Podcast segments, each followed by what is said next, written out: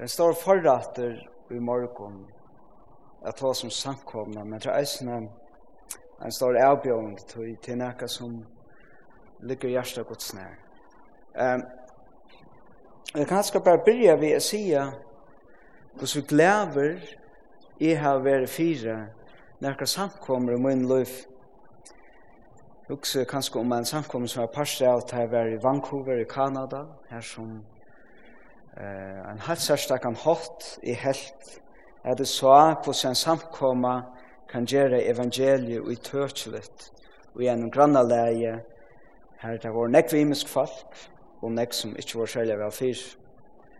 Men jeg vil eisen er offentlig glad for det, så jeg kom heim for nu kjøtt, ja nei, det er for meg, sier to en gangs kjøtt, at vi er parsa løyvdene og det har haft en ometelig sånn tøtning for meg og for mitt liv å kunne komme hjem og kunne være parster av når samkomme som dynamisk, her som liv og roi, her som uh, jeg føler at jeg, som hver jeg er, for jeg løyve å være, vi er ikke sett til en spennende trådje. Her det kjennes som at man virkelig innskjer å komme og kjenne god bedre og hans rett. Til glede Og det er jo mer til å glede for. Men jeg har vi eisen en sånn åregv, og det er en åregv som er mye en. Og det er kanskje eisen åregven til omkron av tikkum. Og det er det at jeg mer bliver samkommende ofte uh, bare en aktivitet rett og slett i ein løyve som hever eina masse som fyrirgångsjur samkomman, du veist, det fer til arbeid, så får jeg nøkta min tøymelig tørv, og kanskje man vågner man, man eisne gjør slutt uikast til det samfellet som man bor i, og man gjør hitt og hatta, og så får man møte sunne morgon at uh, få sin andalige tørv nøkta igjen. Og ofte kan det være veldig deilig, man får en møte, man føler seg oppbygd, det er akkurat som vi har sagt, eller man synes man er til rett av lærne, og man føler seg deilig oppbygd, ta man far heim, og onkti er det bare, uff, du veist, er ikke luive nåstrave som det er, og det blir ein aktivitet at det som man er parter av, og det kan kanskje genga tøyer her som man ikke fær så nek borster ur. Um, Lykka mykje om til tøy til føler så litt deilig, eller man føler akkurat som, åh, oh, tvast, etter træt. Tøy er det ofte enn det kommer av meg, sier, ja, men samkoman eier til ikke å være nekka meir, nekka hagre, nekka større, enn bare steg her for en andalige tarv nøktajan. Eh, Eier til ikke å være nekka meira grunnleggjande enn bare ein parster av munnen løyve, eh, akkurat som tvast, ein, ein blokker og skjemanen, kvært, jeg, jeg vet ikke, nekka tykkene er som skån som det. Men det handan åregven, som vi gjerne vil ta seg om i morgen, og eisen som jeg vil huske om det, som er røyne, er finna ut av og læra hva det er og god vil vi samkommer søyne og sier hva samkommene er. Eh, til det som jeg vil komme inn i morgen. Jeg vil si en nøkker ting som uh, skulle teka som munrøynd er skilja hver vit er som teg som saunas rundan om Jesus Kristus og skulle være samkomma gods av gjør. Men det er ikke bare leiser ideer, jeg trykker at det er nekka som er kommet inn i at nøkron og røyne lærer nekka om hver grunnleggjande parster eh, hvert skriftnar bo og om hver samkommun er. Og vi vil gjøre det her har sett at trutja spurningar. Så i halvtid at her vi får ta oss om hver samkommun er, så må vi ta oss om hver evangeliet er. Så evangeliet er jo evangeliet til det her som til det gode tøyndene, det som god gjør, i heimen. Det som jeg hever nekar vi enda mal gudsa gjerra som skapar en allheimsen, skaparen okkara, og det enda mal han er vi okk.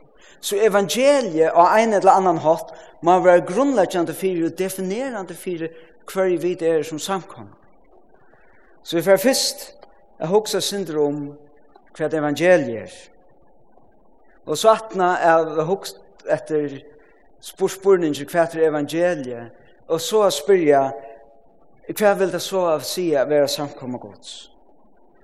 Og så sust, vanan for stunder til til eisene, jeg spyr jeg den siste spørningen, hvordan sass så om vi er samkomne gods? Hvordan sass da om vi er til sauna savne jeg falskje og gjør evangeliet og i tøtjelitt av okkara sted og i okkara tøy. Så først hva er evangeliet? Nå, hvis jeg spyr til hva evangeliet er, så sværer du mulig. Evangeliet til til at uh, jeg skal komme til trygg og Herren Jesus som døg for meg, så jeg kan fære til himmels ta i dødje. Det er virkelig godt.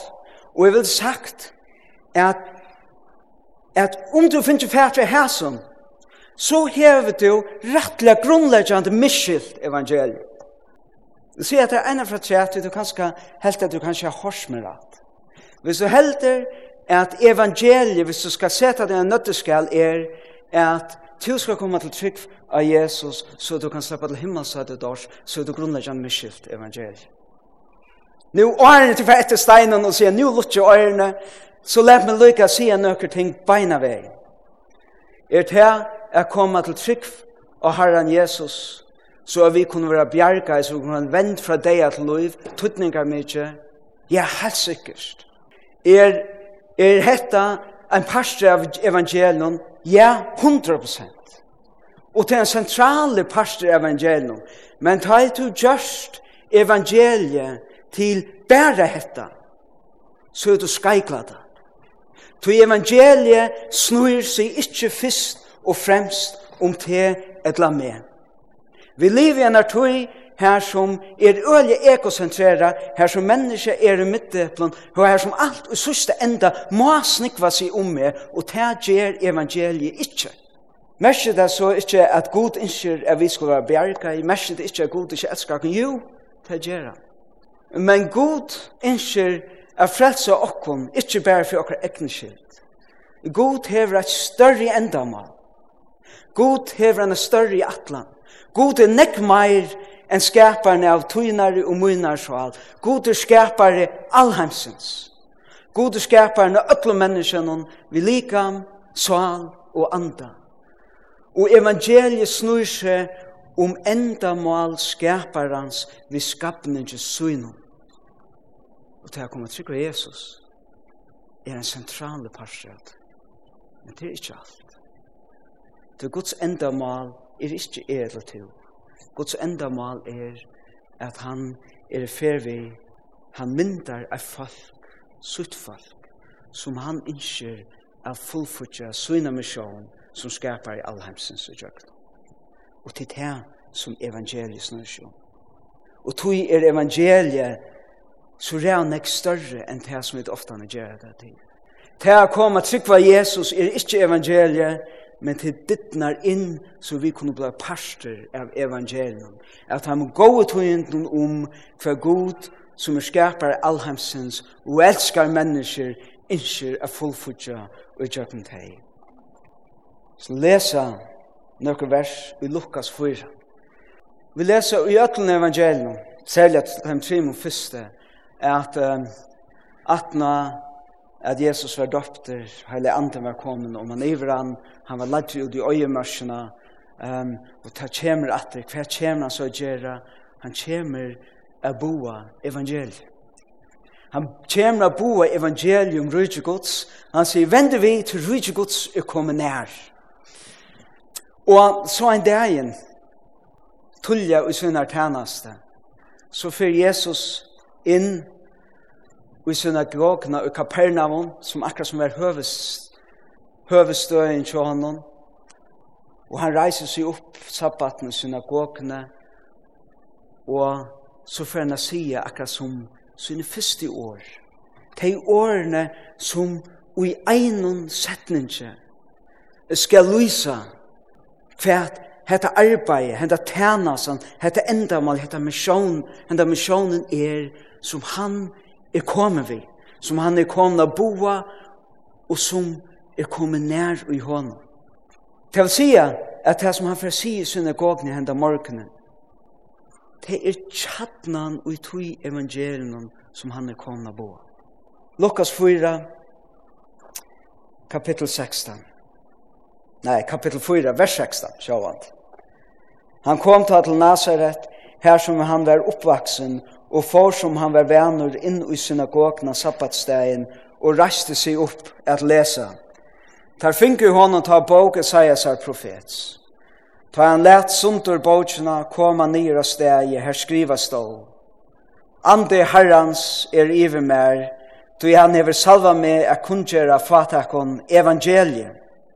Han hever sendt meg a grøa hine hjertabrottno, a bera fengum bo om at her skulle sleppa leiser, og blindun at hei skulle få a sjån, at gjera kua frui, at kun gjera nai og ar herrans. Så leia han bókina saman, fekk tænaren hana atter og settest, og öll i synagognen starti av han. Ta foran at hela til tarra, og så sier han hetta, og i det er hetta skriftor, gynji ut fyrir øyrum tekkara. Hva er det som Jesus gjør her? Jo Jesus teker og citerar, skal flytta iver, Berit, nei, ok. Um, Jesus citerar Esaias av bok, kapittel 1 og 3. Utan, det har stund til å forlekte noe ut men Israel var fast gods, Israel hei vent herran om bætje, og profetane kom i oftane og tar bæje bo av domsårum, at Israel hei vent herran om bætje, og tog for herren av vente honom bætje, men tar boa i eisen er dævren for å komme.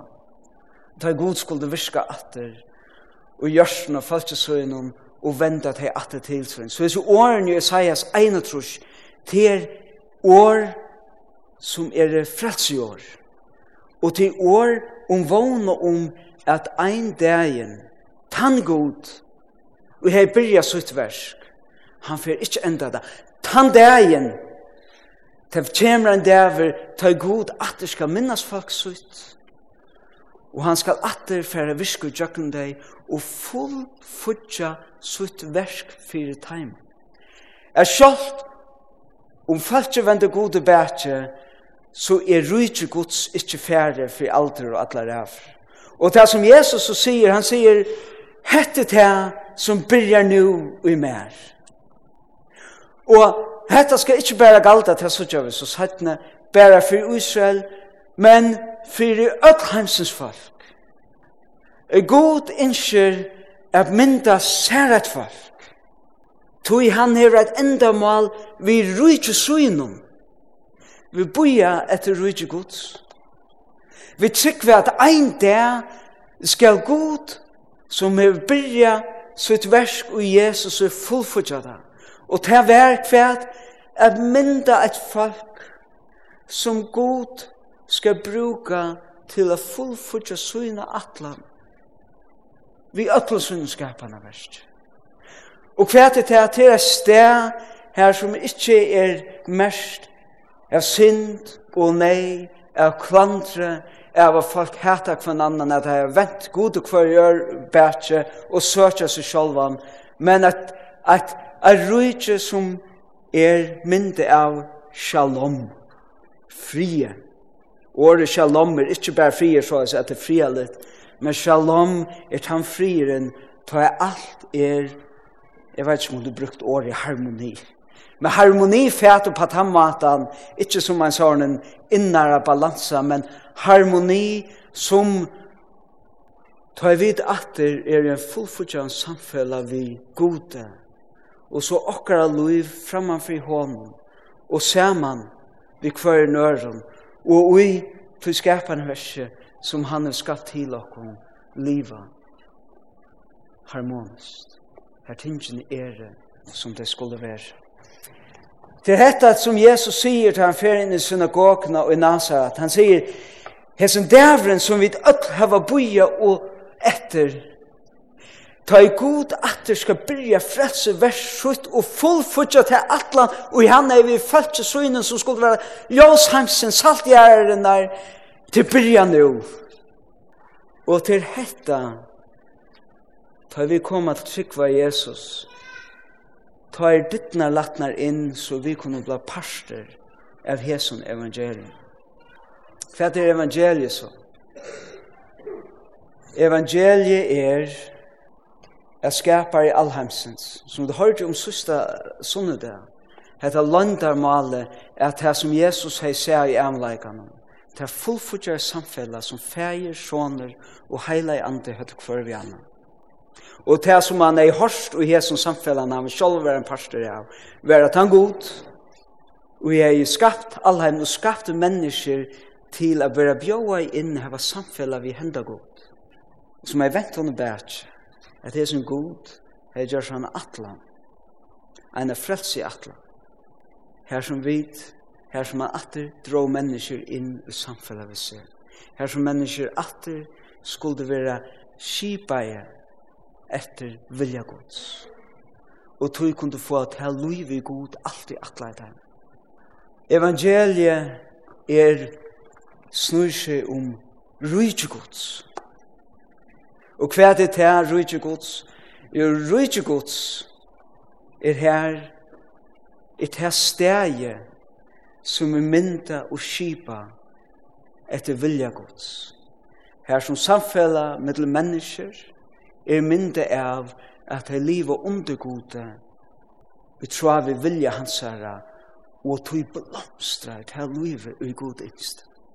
Det er det som god innskje for mennesker, det er det han innskje a frelsa teg inn ui, til at ui durmeter han og tilbyr han, og ui tui tilbyrne kjemur i samfella vi han, og livet er rukkliv. Hetta er evangeliet. Hva er samkomman så? Samkomman er så til steget som skal være en forsmak av hesen rydsen. Ein dag, vi, det vi full, Jesus sier at rydsen er kommet nær i hånden. Men man skulle være rævlig blinde hvis man helt at det betyr det, at så er alt så deilig nu. Nei, vi lever og en er vær, og vi kjenner noe og i oss selv. En er vær som er mest av sorg, av nei, av synd, av vera sunderlys av er. Men det som det merker at evangeliet kommer nær i Jesus, det merker nå at det som Jesus vi andan innkjører nær i samkommet søgne. Det merker at vi skulle være til her falskje, som er en koloni av rydgjegods, mitt i okkara, og i meldrunnen av tog samfell og tog tog som vi lever. Vi skulle være salt i gjæreren der, og ljøs hamsens. Hva merker det? Hva merker er samkommene skal være steget her som vi lærer å leve en ære styrkip. Å lære å leve og ljøsen av noen øren samfellesskørmen. Av samfellesskørmen rydgås. At det er mine åregv som jeg bryr i. Hva er min åregv? Min åregv er i halde kan grunnleggen leggjast ut til at jeg og i min daglige liv, bæg på godt og ønt, og til bæg nok ting som er løg og til nok med ting som er minne gå. Men trobeleidjen er til at i grunnleidjande er det så omedelig bare mindre av et hui samfella i livet.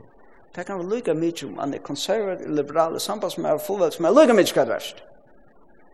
En trobeleidje som jeg heldig nekve å kunne heve, til det er at vi okkara virum, hva vi dama, hva vi gjerra, hvordan vi liva, hvordan vi handla, her er vi så, en så stora mun, mynda i av taimon normon, og taimon virum, og taimon tjekon, som er mynda i av taimon karmon, som rydja heimsens djeva. Og samkomman blir ofta ikke nekk meira enn her vi færa for å få akkurat andalega tørv nøktaren og medan vi røyna iveliva i samfellan annars. Jeg halte jeg til som god innskjer. Og her er jeg øyla glad for nekva tikkum som jeg kjenner her, som jeg halde doa det som jeg bedre enn. Og tog er det vi nok så er eimjukt, er nødt til å si det. Men mitt innskjer og min troan for okkom som en lokalsamkomma, til akkurat hetta at um, vi vera en samkomma her vi bægi høyra den sentrala bådskapen og boa den sentrala bådskapen at vi må komme trygg hvis vi uh, skulle bli berga så må vi komme til trygg av Jesus men jeg er ikke eisne at vi vera en samkomma som skiler at komme til trygg av Jesus mørster er ferdig inn om ein dår inn i en nutjan verleika, inn i et nutt rujtja. Hva er et rujtja? Et rujtja er et sted som er skipa og mynda av en avvisar makt som har makna til at skipa det.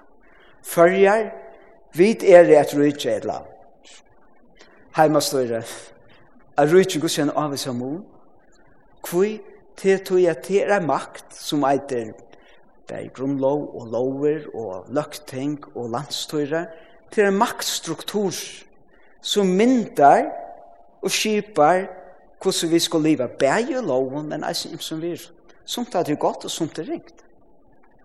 Men okkara fyrsta rujtje, okkara fyrsta samfella, okkara fyrsta land, okkara fyrsta borgarratter, og tog okkara fyrsta tjov, er ikkje fargar, eller hver til som kommer fra.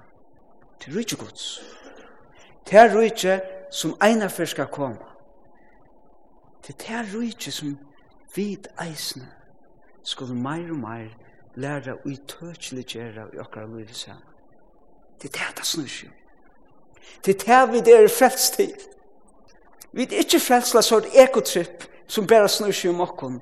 Vi er frelst til å være parster av tui følge som er mynda av vilja gods og som god innskjer a bruka som suttljås til a fullfutja svini endama. Og samkomman skal vera til stegi her som vi læra å finne det av hver vilja gods er og hvordan det myndar hansara samfellskarmer. Gost det myndar de virer som er tuttningar mitjel fyrir gode. Og så til den sista spurningen. Om hetta passar, om det som jeg har sagt, hvordan er av rattarlei, hvordan sast, så og hvem mun er vid her, er en samkomma, her rydde Guds er just i tøtjelet. Jeg vet er det en samkomma som er samfela, som er en forsmakker av tog som ena for for å komme. Et luktnelse om det som god ena for for å fullføre.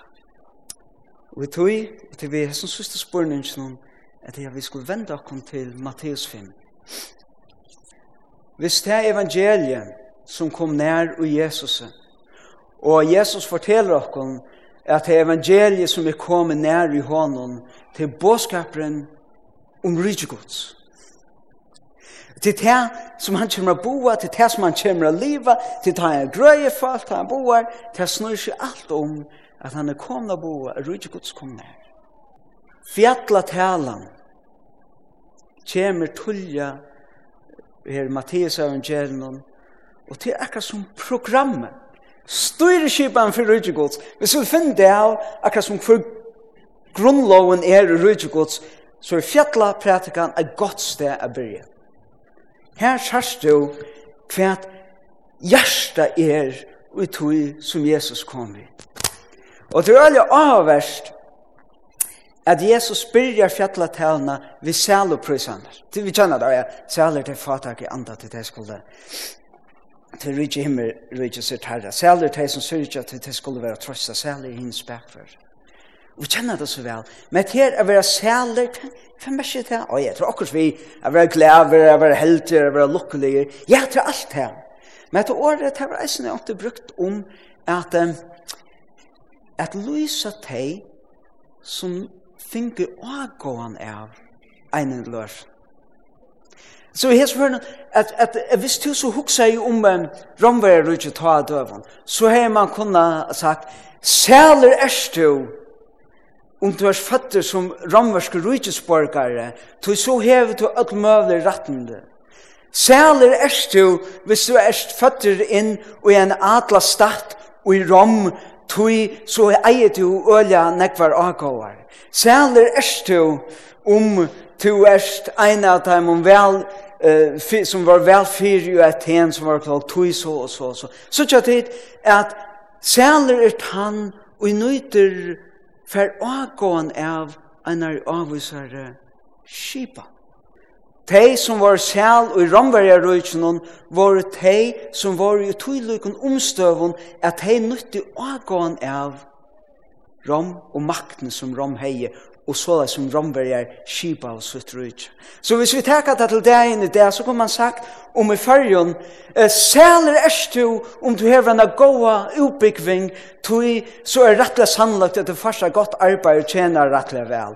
Sæler erst du hvis du goa helse, Tu så orska tu at uh, fylgja vi melden og sel et la kanskje betre sel er du, hvis du er sjalalega vel fyra, tu så klarar du å hamla opp. Sel er du, om du er nekv iveskått, tu så kan du gjøre nekv anna. Sel er du, hvis du hever okkur sestar unikt evne, til så kan du vinne i X-faktor, at færa damade sel er du, og så kan du sette alt inn som tar egenleikan som gjør at livet gonger vel i hessens samfunnet. Og så la spyrja Jesus så inna fjalla prætike at tåsa om teg som er sæl og i tøyrujtje som han boar. Og så sier han sæl er teg fatak så vi takker fra Lukas så det skal arva rujtje gods. Eller her i Matteus sæl er teg fatak i anda så det skal arva rujtje gods. Sel er tei som syrja, tu tei skulle vera trøsta. Sel er hinn spekføre, tu tei skulle arva hjørna. Sel er tei som hungra og tysta etter rattvise, tu tei skulle vera metta. Og så vi er, og så vi er. Det er ikke en om seleprøysen, det man kanskje gjerne erfer. Men hver det Jesus sier, han sier, «Utui rujtje som er bøye, er kona bo som kommer nær mer, og som ein der skal være terrorikje som bestemmer hvordan alt er skipa Da er det hese folkene som er selv. Ikke først og fremst hei som er velfyr å ha hua og utbyggving å lytte og idea at han hadde samfellagsliv flavnum men han sier just det motsatte Jeg vil tog hjertelig som god hever så er det hei fatak som er sjæl, til god minnes deg. Og til er jeg særstak plass og rujtja hans her, særstak han heier. Og særlig til fatak vi andre, ja, det kan godt være til eisen mersi til som vi ofte han sier, at de som er akkurat som geng, vi må være fatak vi andre for å komme til trygg, for vi har funnet det av, vi ikke klarer det. Men til mersi eisen særlig til fatak vi andre, særlig til som andelig er fatak, som ikke klarer seg så vel i, i samfellene. De som er sjala eller sjuk. De fatak som ikke har lært uh, alt det alle terminologiene og alt som man skal bruke for å klare seg vel. Sæler de. Det er de som god minnes. Sæler de som hungrer og tista etter rattvis. Ikke om det her var så reelle gode ender men hungra deg etter at rattvise skal hende. De skal få sinna løn. Tid til å lese sæleprisene i Hesson, så forteller de okko nek om hver virer skulle mynda okko. Og i tann mån som vi som samkom er en utøkelig gjering av evangelium, så er det hes falskene som er sæl og i okkara mitt. Så hvis vi vil hava et barometer om og i kvann mun vi som samkommer. Og legg mersli, jeg vil ta seg atlaten om vi som samkommer. Det hette er næka som jeg held ikke vi kunne gjøre ensamme. Jeg har simpelthen ikke tatt måten og jokk. Vi tar tarven av en samkommer sammen.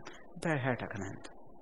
Men i tammun som vi som en samkommer ikke er bare at han savnar nær falskje som er kommet til trykva Jesus som er ferdig innom tittene her men eisen han savnar en falskje her som styreskipan gods gjerst uitøkjelig gjerst er forsmak. Hette barometer eller eina barometer er hese falskjene sjal i middelen okkar? Er det de som er fatøk de som er ytla fyrir, de som syrja, de som troa etter rattvise, de som røyna få frile, de hjersta røyna, er det de som er sæl okkar mitt.